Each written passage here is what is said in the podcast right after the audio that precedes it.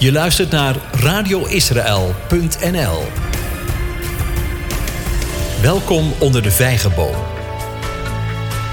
Leer je Bijbel lezen vanuit de Joodse achtergrond en tradities. Leer Jezus kennen als de Joodse Messias. Je gastvrouw en leraar is Debbie van Galen, hier op radioisrael.nl. Shalom, fijn dat je er weer bij bent.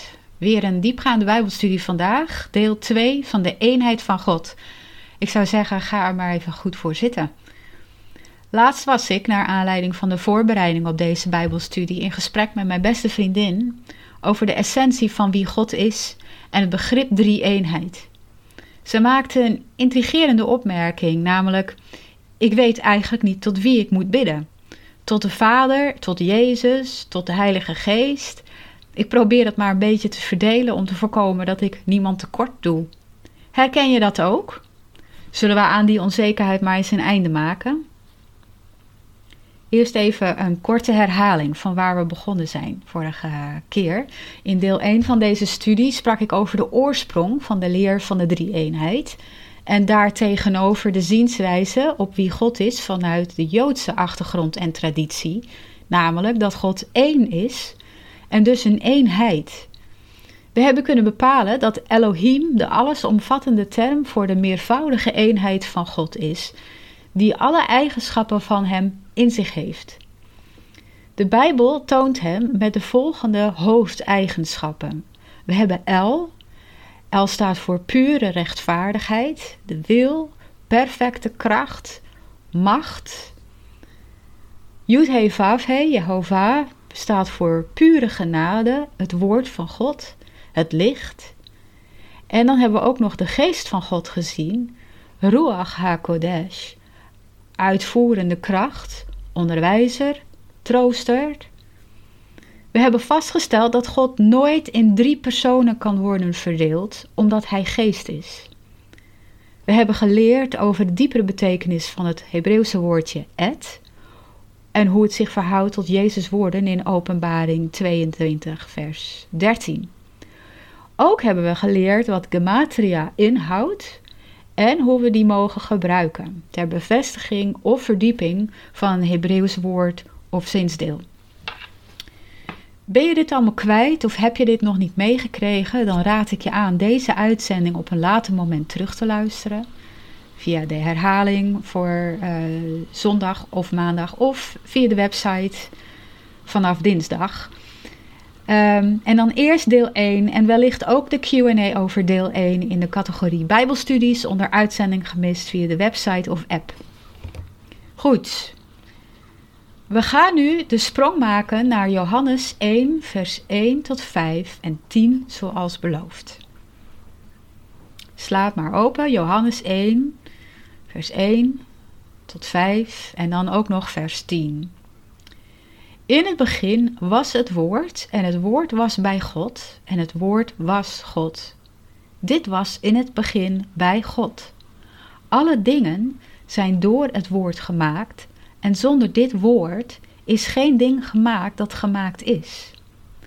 In het woord was leven en het leven was het licht van de mensen en het licht schijnt in de duisternis en de duisternis heeft het niet begrepen.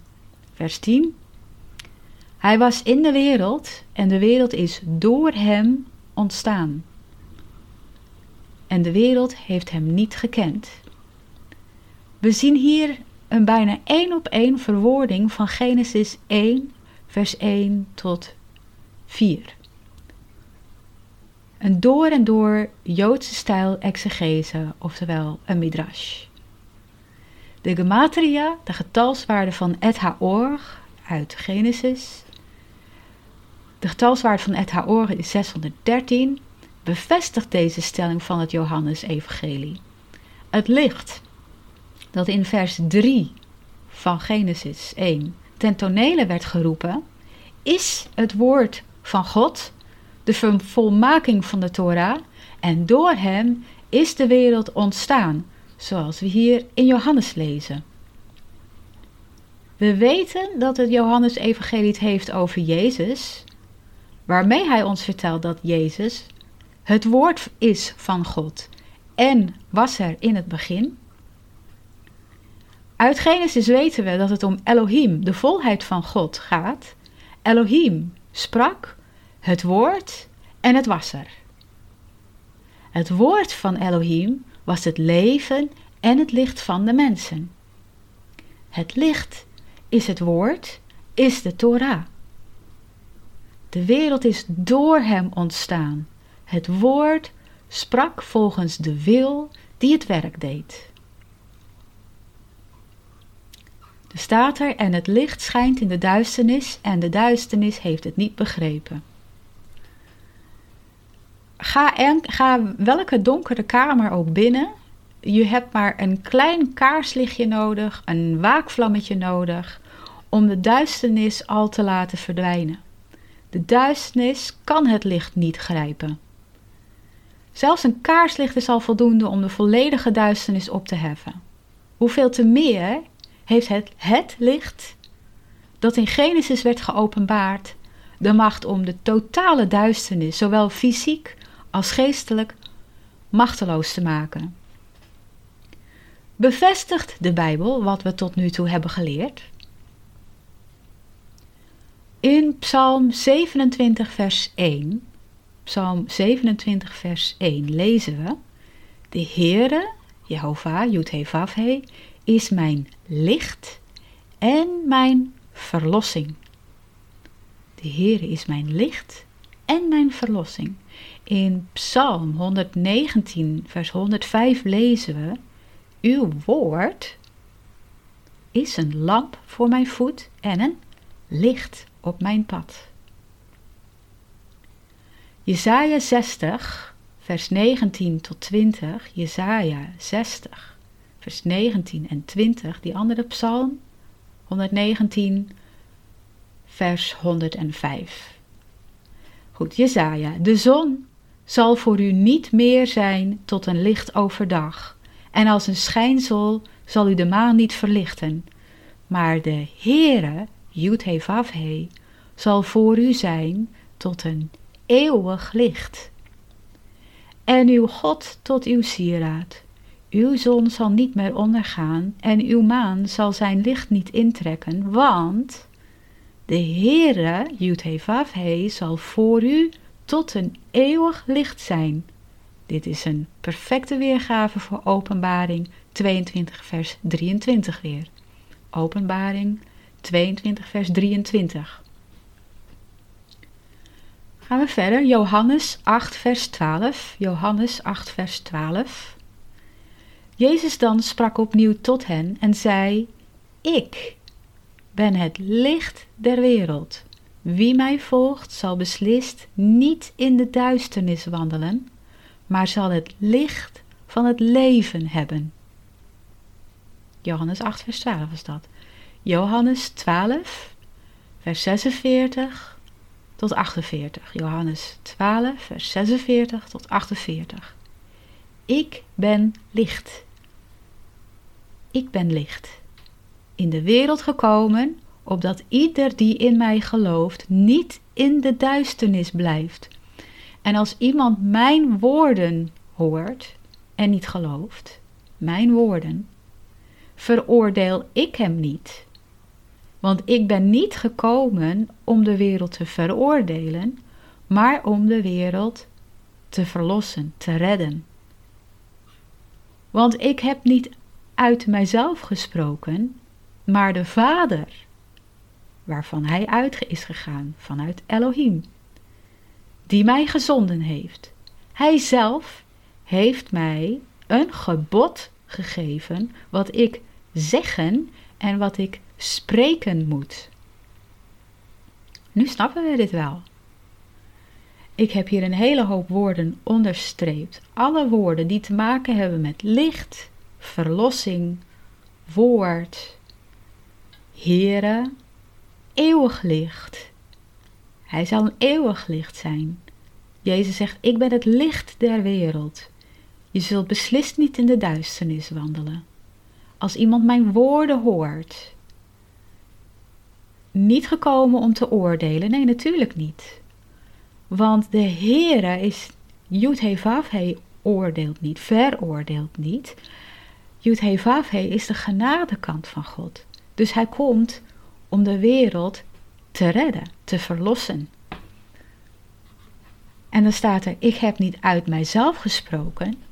Nee, hij heeft niet uit zichzelf gesproken, want hij spreekt uit de Vader. De Vader, Elohim. Dus Jezus, als een deel van God, heeft gesproken wat de volheid van God geboden heeft. Te zeggen en te spreken. Ja, want Yud He Vav He spreekt. Dat hebben we ook in het Oude Testament gezien, of het Eerste Testament. Hij spreekt. Hij is het woord. Jezus is het woord van God, het licht van de wereld die gekomen is om haar te redden, te verlossen. Hij is ons licht en onze verlosser. Hij is vlees geworden, Jud He Vav He, de genadekant van God die niet oordeelt. Dat gebeurt als Elohim zich toont als El. Laten we naar Handelingen 1, vers 1 en 2 gaan. Handelingen 1, vers 1 en 2.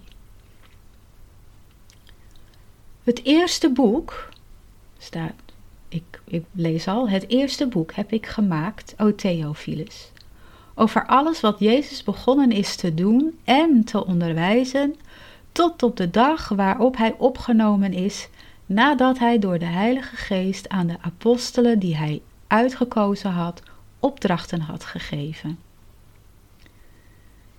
De Heilige Geest is de geest van God, is de geest van Elohim, die in Jezus de Zoon des Mensen was, die in het lichaam en verbonden was aan het lichaam, daarom Zoon des Mensen, om te doen en te onderwijzen. Twee rollen die wij traditioneel alleen aan de Heilige Geest hebben toegedicht.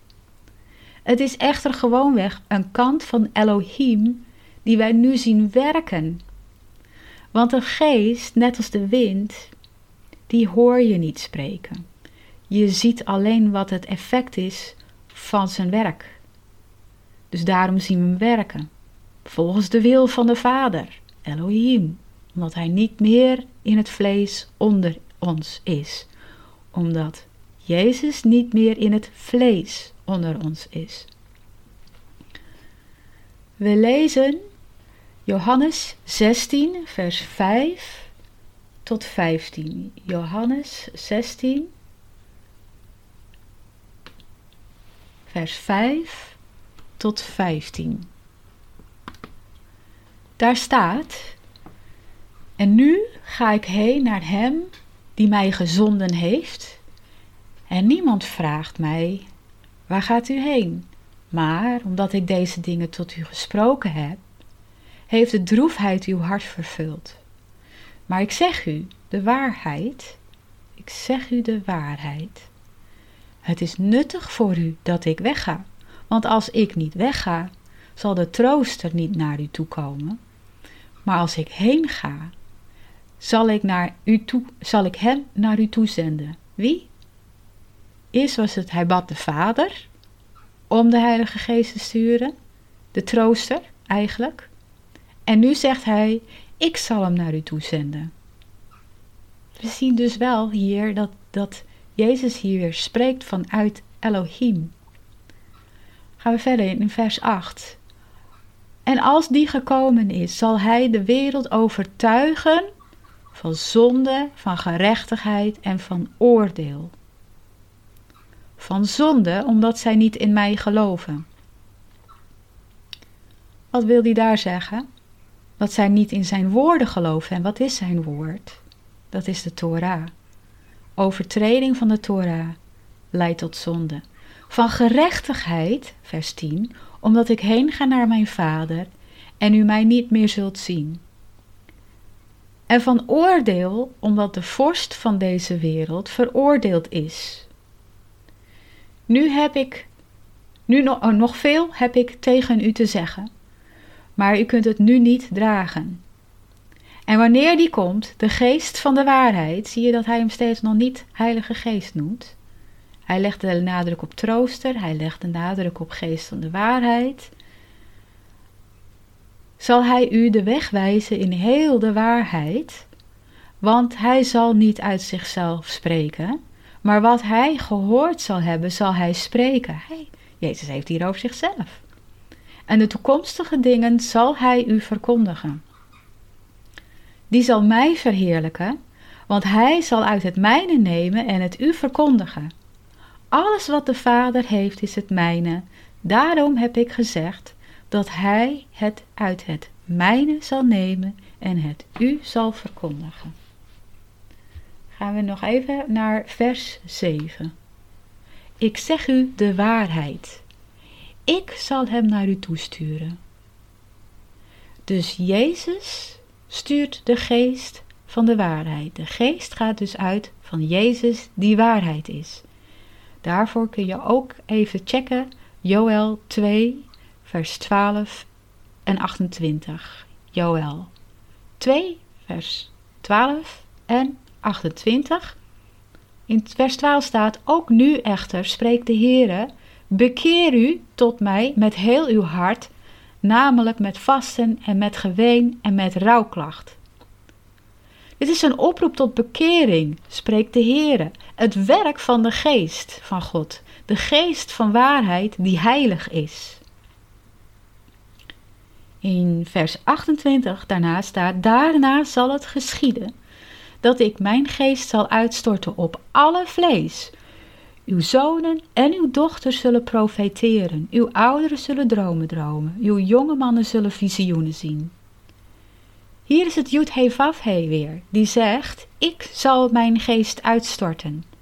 De geest spreekt niet uit zichzelf. Laten we weer eens teruggaan naar Johannes 14, waar we begonnen zijn. Johannes 14. Nu komen we toe aan de vraag: tot wie moeten we nou bidden? Vader, Zoon of Heilige Geest of alle drie? Oftewel, op wie moeten we de focus leggen? In vers 6 zegt Jezus: Ik ben de weg, de waarheid en het leven. Niemand komt tot de Vader dan door mij. Vervolgens in vers 11, vers 11 staat daar: Geloof mij dat ik in de Vader ben en de Vader in mij. En zo niet, geloof mij dan om de werken zelf. Met welk doel? Vers 13. En wat u ook zult vragen in mijn naam, dat zal ik doen, opdat de Vader in de Zoon verheerlijkt zal worden. De focus ligt op Jezus en niet op de geest. We bidden tot de Vader, maar wel uit naam van Jezus. Waarom? Omdat Hij de genadekant van Elohim openbaarde in het vlees. De geest heeft geen vlees en stierf niet voor de zonde en verlossing van de wereld. Jezus, Jud Vav geopenbaard in het vlees, heeft het ultieme offer in zijn lichaam gebracht. Zowel in het eerste als in het nieuwe of hernieuwde, zo je wil, testament zien we dat de focus op de genadekant van Elohim is. Steeds weer Yud He Vav He. Zodat de wereld het pure rechtvaardige oordeel van El nog niet zou ondergaan. In zijn naam staan in de autoriteit van zijn naam geeft ons toegang tot El, tot de wil van de Vader, met als doel dat de Vader zal worden geprezen en aanbeden vanwege de genade die ons is getoond door de Zoon. In Jesaja 63 vers 16 Jesaja 63 vers 16, er staat Toch bent u onze Vader, want Abraham weet van ons niet en Israël kent ons niet. U, Jud He u Heere, bent onze Vader, onze Verlosser. Van oude tijden af is uw naam. Onze Verlosser in het Hebreeuws is Yeshua Tenu. Ha, Yeshua Tenu. Geloof mij dat ik in de Vader ben en de Vader in mij. En zo niet, geloof mij dan om de werken zelf. Staat erin Johannes. Laten we dat vergelijken met wat er staat in Jesaja 43 vers 10. Jesaja 43 vers 10. Daar staat, omdat hij zag dat er niemand was, ontzette hij zich. Ontzette hij zich, want er was geen voorbidder. Daarom bracht zijn arm hem heil. En dan moeten we denken aan rechterarm. Daarom bracht hij zijn rechterarm.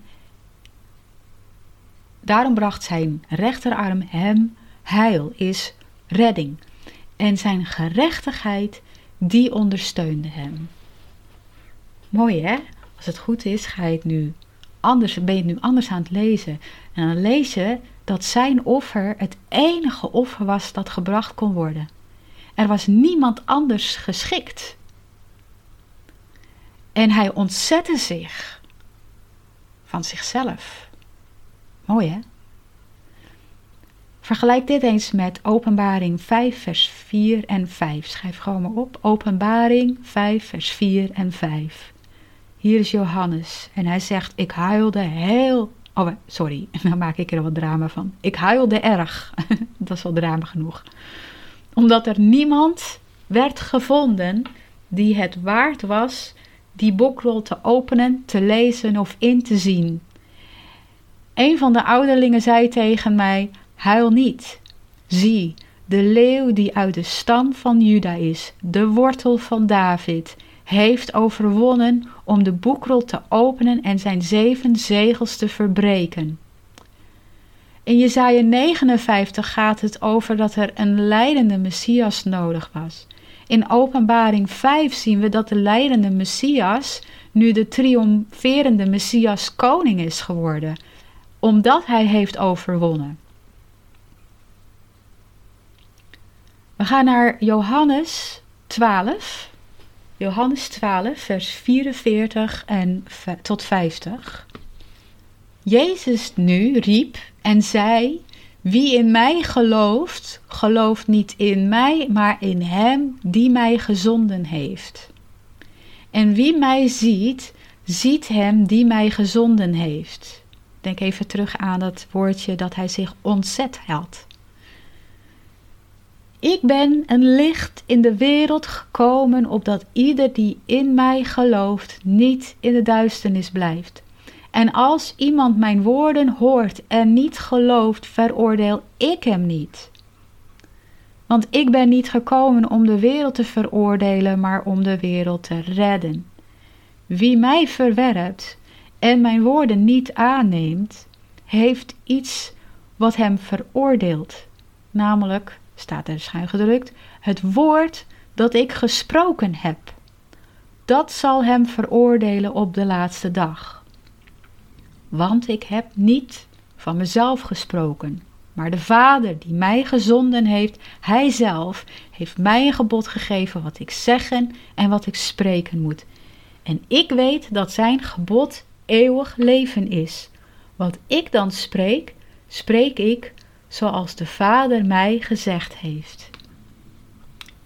Jezus is het perfecte beeld van Elohim, omdat hij van hem uitgaat. Redden, verlossen is een daad van genade, niet van oordeel.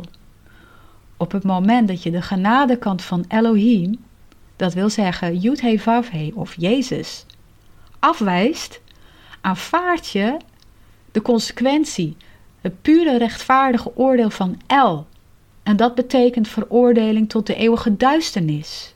Denk maar weer even aan Exodus 34 en Johannes 14, vers 6. Exodus 14, 34 en Johannes 14, vers 6. Niemand komt tot de Vader dan door de Zoon, door Yud He Johannes 12, vers 49 zegt, Johannes 12, vers 49, want ik heb niet uit mezelf gesproken, maar de Vader die mij gezonden heeft, Hij zelf heeft mij een gebod gegeven wat ik zeg en wat ik spreken moet. Terug naar de vraag van mijn vriendin: tot wie richt ik me in gebed?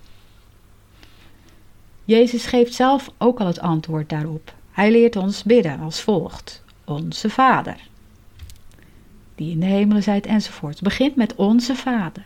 Hij zegt ook: Alles wat u de Vader vraagt in mijn naam. In zijn hoge priesterlijk gebed, Johannes 17, richt hij zich ook tot de Vader. Bidden doen we dus tot onze Vader in Jezus' naam. Mag je de naam van Jezus aanroepen? Natuurlijk mag dat. Zijn naam is krachtig, krachtiger dan dat is er op aarde geen één. Bidden we tot de Heilige Geest? Roepen wij Hem aan? Dat is niet wat Jezus ons leert. Dus laten we dat dan ook niet doen. Hij is het die volvoert wat de wil van de Vader is. Hij is het die het werk van de Vader door Jezus in ons doet. Dus het is gewoon de geest van God. En de geest, nogmaals, de geest heeft geen vlees en heeft het offer niet gebracht. Dat heeft Jezus, Jud He in het vlees. Onze verlossing komt bij Jezus vandaan om ons te verzoenen tot de Vader. Niet om ons te verzoenen tot de geest van God. Om ons te verzoenen tot Elohim. Doen we daar iemand met een hoofdletter I, to, iemand tekort? Geen zins. Hij is Elohim. Hij is één. Laten we het geleerde eens toepassen. Zoek met me op Filippenzen 1, vers 1 en 2. Filippenzen 1, vers 1 en 2.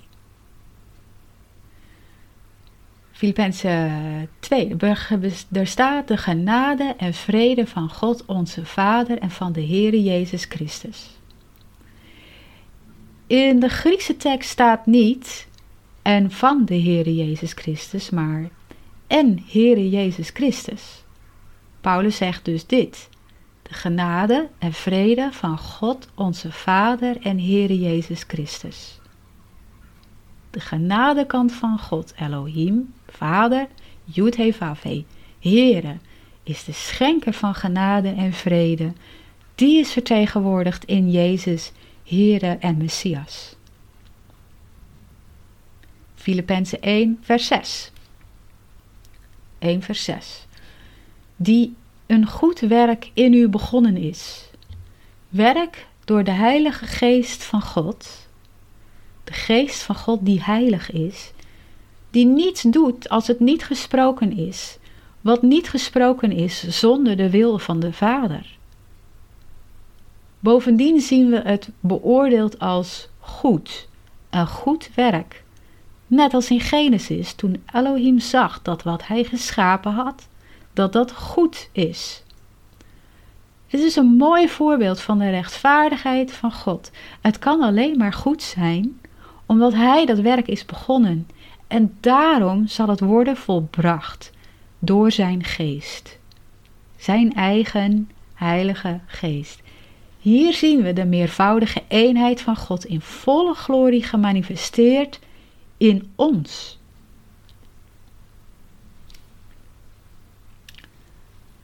lezen we Jesaja 43, vers 10 tot 13. Jesaja 43, vers 10 tot 13. Die hebben we daarnet ook al gelezen, maar herhaling is de sleutel tot leren, dus we gaan weer terug. U bent mijn getuige, spreekt de Heer, en mijn dienaar die ik verkozen heb, opdat u het weet en mij gelooft en begrijpt dat ik dezelfde ben. Voor mij is er geen God gevormd en na mij zal er geen zijn. Ik, ik ben de Heere, buiten mij is er geen heiland. Yud He Yeshua, de verlosser, de genadekant van Elohim. Ik heb verkondigd en ik heb verlost en ik heb het doen horen en er was geen vreemde God onder u, U bent mijn getuige, spreekt de Heere, dat ik God ben. Het is verkondigd, gesproken, verlost, doen horen. Al deze woorden vinden we in dit vers. Het, is, het kon worden doen horen omdat het gesproken is. Ik ben God, er staat El. Niet Elohim. Ik ben God. Als het in het Eerste Testament geen probleem is dat El ook Yud He is, dan zou dat in het hernieuwde testament ook geen probleem moeten hoeven zijn. Gaan we naar vers 13. Ook voor de dag er was, ben ik. En er is niemand die uit mijn hand kan redden. Ik zal werken. En wie zal het keren? Vers 13, waar redden staat, niemand zal uit mijn hand redden. Er staat eigenlijk wegrukken. Lezen we het zo. En er is niemand die uit mijn hand kan wegrukken. Hé, hey, dat gaat samen met Johannes 10, vers 28 en 29. Johannes 10, vers 28 en 29. Daar staat, Jezus, Jezus spreekt hier, niemand kan hen, en hij heeft het over mijn schapen, niemand kan hen uit mijn hand en uit de hand van mijn vader rukken, wegrukken. Ik zal werken, staat er in Jesaja. Ja? Verwijzing naar het werk van de Heilige Geest. Yud Vavhe is daar om te spreken wat de wil van de Vader is en hij doet het werk wat dat is Elohim. Weer kun je teruggaan hier in referentie naar Johannes 14, vers 10 tot 12. Johannes 14, vers 10 tot 12. Ik zal het toch nog een keertje lezen. Gelooft u niet dat ik in de Vader ben en de Vader in mij? De woorden die ik tot u spreek, spreek ik niet uit mezelf, maar de Vader die in mij blijft, die doet de werken. Geloof mij dat ik in de Vader en de Vader in mij, en zo niet, geloof mij om de werken zelf. Dit is Elohim. Hij heeft het hier over de volheid van Elohim. En hij probeert hier uit te leggen hoe het werkt. Of hij wil het uitleggen en alleen de ogen zijn nog gesloten van de discipelen. En hopelijk zijn onze ogen nu geopend, net zoals die van de discipelen werden geopend na zijn opstanding. In vers 12: Voorwaar, voorwaar, ik zeg u, wie in mij gelooft, zal de werken die ik doe ook doen. Hij zal grotere doen dan deze, want ik ga heen naar mijn vader.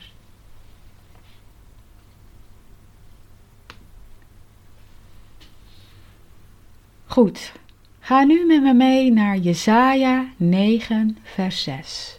Jesaja 9 vers 6. En iedereen kent deze wel, want deze wordt wel heel vaak gezongen. In ieder geval als vers geschreven om en rond de kerstdagen. Jesaja 9 vers 6. Eigenlijk 5. 5, ja. Want een kind is ons geboren, een zoon is ons gegeven, en de heerschappij rust op zijn schouders, koning.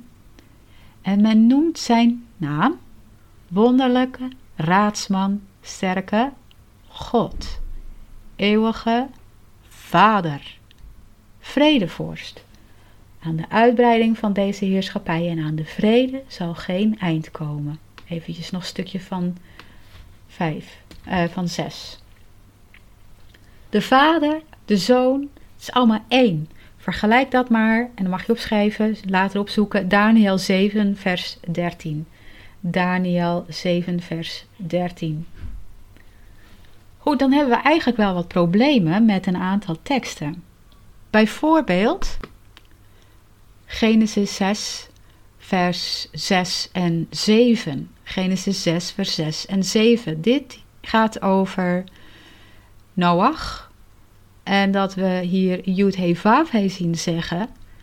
Dat hij zegt daar: Ik zal de wereld verwoesten. Hoe kan dit?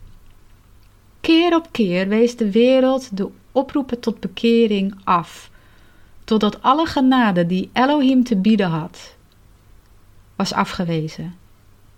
Geen bescherming meer van Yud He. Geen bescherming meer van de genade. En wat overbleef waren de woorden die Yud He sprak, volgens de wil van El. Exodus 5 vers 21. Exodus 5 vers 21. De Israëlieten hebben net straf gekregen van de farao. Hun werk is verzwaard nadat Mozes en Aaron naar farao zijn gegaan om hun vrijlating af te dwingen. En daar staat dat de Israëlieten tegen Mozes zeggen: Mogen de Heere, Yud-He-Vav-He, oordelen.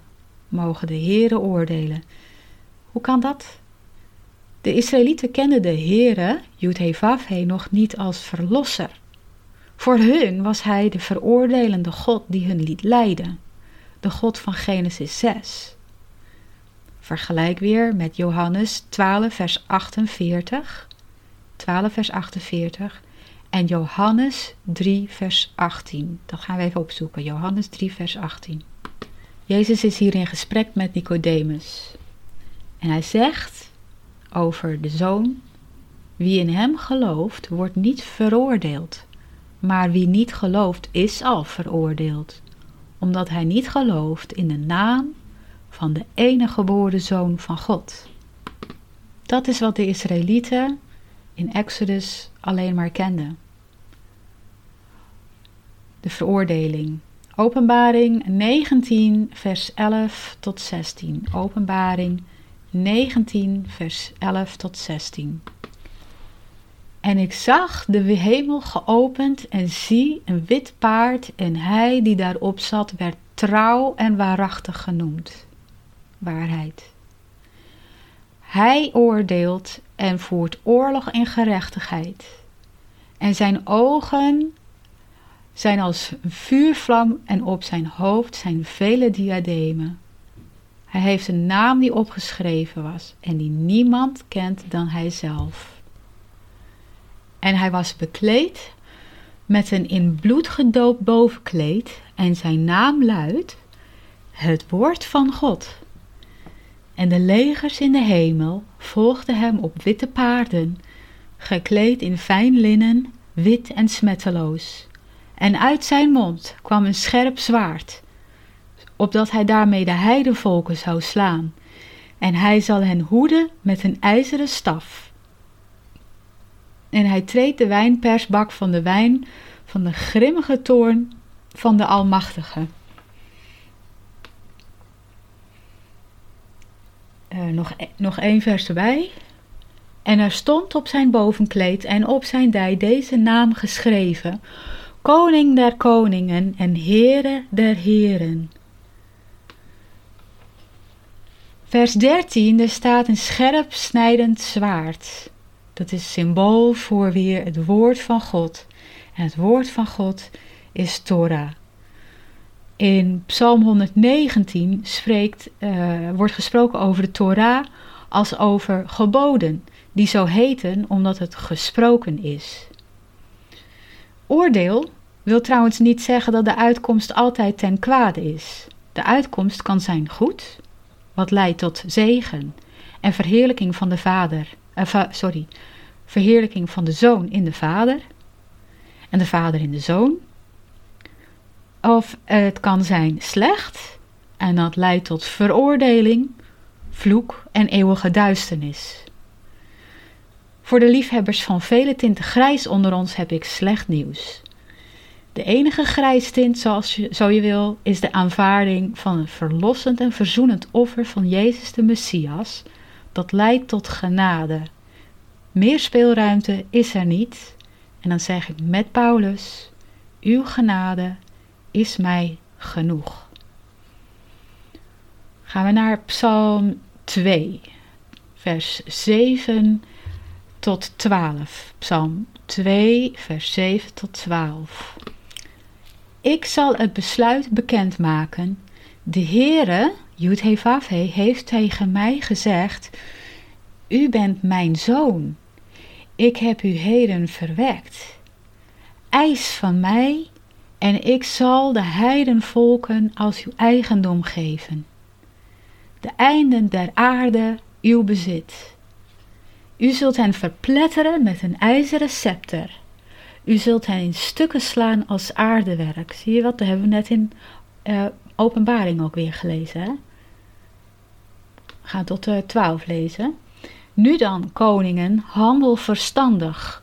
Laat u onderwijzen, rechters van de aarde. Waarin? In kennis van de Torah natuurlijk. Dien de Heere met vrezen. Verheug u met huiver. Kus de zoon, opdat hij niet toornig worden en u onderweg omkomt. Wanneer zijn toorn slechts even ontbrandt, welzalig, gezegend allen die tot hem de toevlucht nemen. Rechtvaardigheid in de Heere, omdat hij de wil van El vertegenwoordigt. Neem de genadekant van God weg en je komt oog in oog met de volle woede van El te staan. En dat wordt dan een kort contact. Je ga je door de Heere, Yudhevavhe, ga je door Jezus. Niemand komt tot de Vader dan door mij, zegt hij.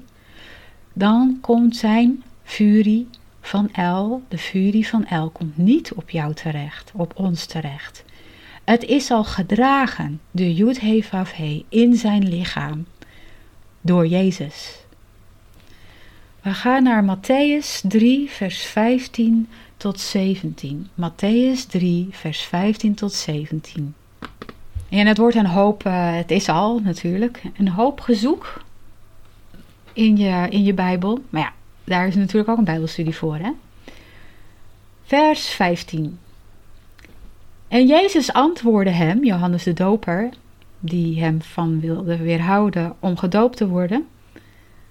Hij zei: Laat het nu gebeuren, want op deze wijze past het ons alle gerechtigheid te vervullen. Toen liet hij, Johannes de Doper, het hem, Jezus, toe. En nadat Jezus gedoopt was, kwam hij meteen op uit het water en zie de hemelen werden voor hem geopend en hij zag de geest van God als een duif neerdalen en op zich komen. En zie een stem uit de hemel, zei, dit is mijn geliefde zoon in wie ik mijn welbehagen heb.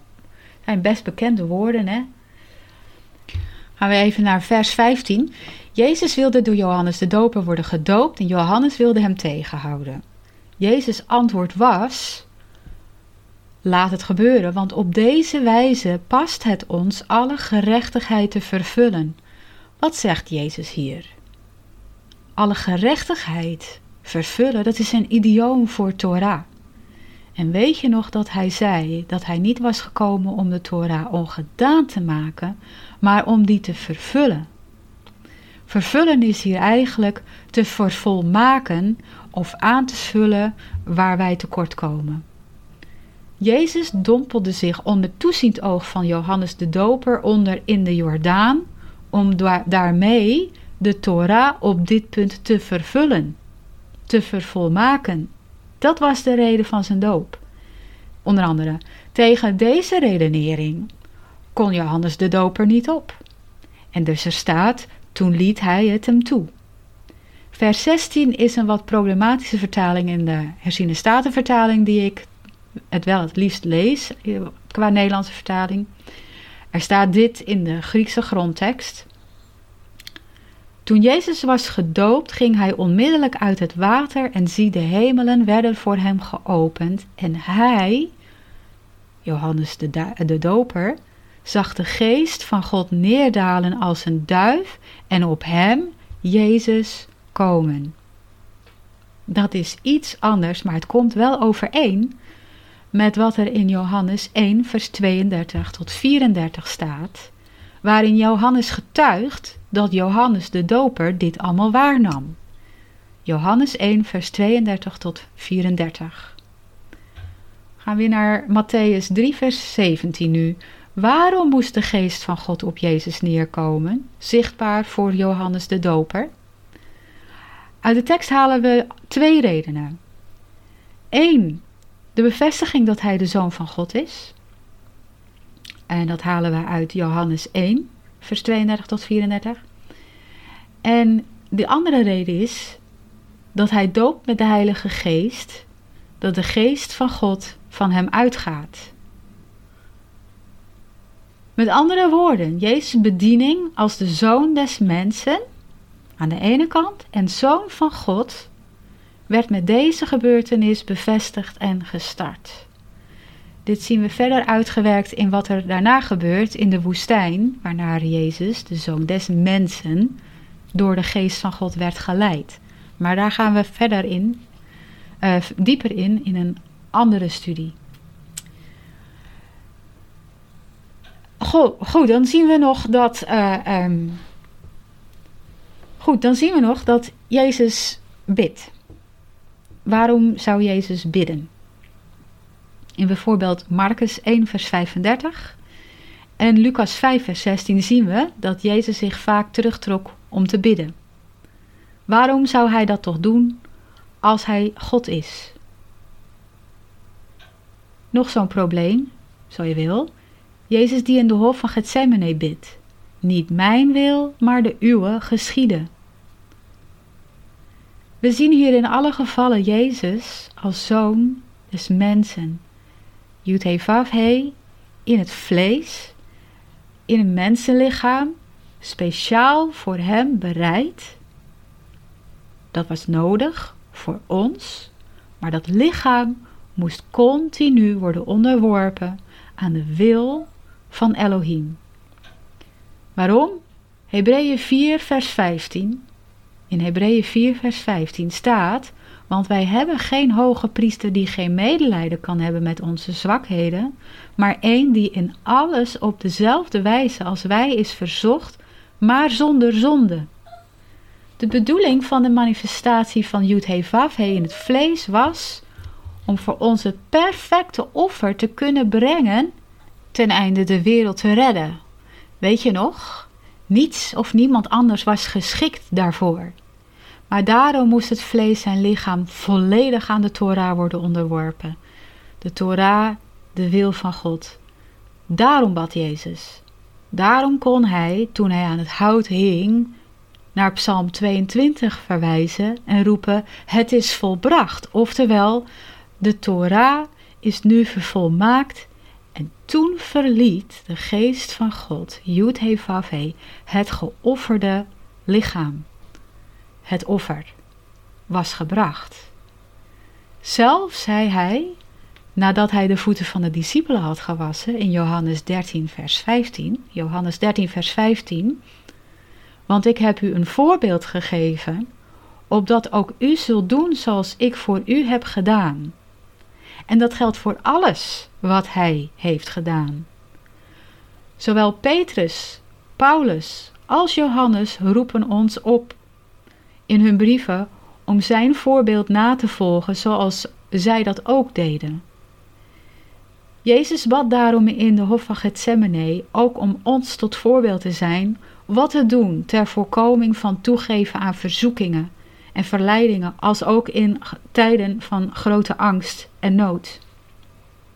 Gaan we naar vers 16 van Hebreeën 4. Laten wij dan met vrijmoedigheid naderen tot de troon van genade, opdat wij barmhartigheid, compassie verkrijgen en genade vinden om geholpen te worden op het juiste, juiste tijdstip. Dit was een heleboel, ik, dat begrijp ik, maar ik hoop echt dat het beeld nu helemaal duidelijk uh, is, of zo duidelijk mogelijk. En voor wat er nog niet duidelijk is, zou ik zeggen: ga erover in gebed. Laat de Vader door zijn geest dit verder aan je duidelijk maken. Hiermee zijn we aan het einde gekomen van de studie over de eenheid van God. Deze uitzending wordt zondag herhaald om 9 uur s avonds en maandag om 4 uur s middags. Daarna kun je via uitzending gemist het ook nog eens op je gemak terugluisteren. Wat helemaal niet zo vreemd zou zijn hoor.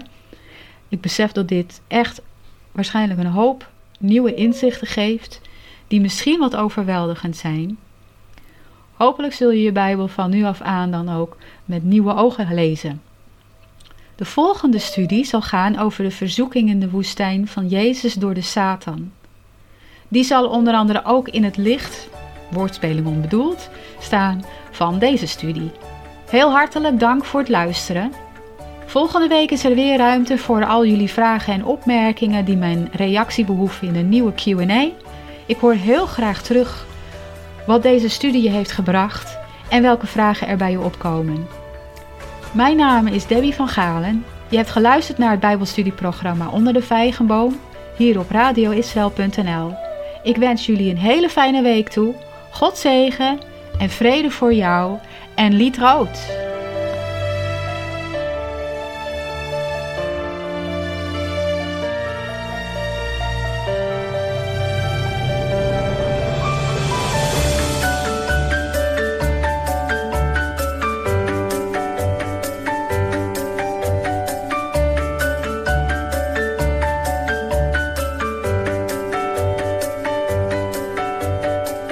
Luistert naar radioisrael.nl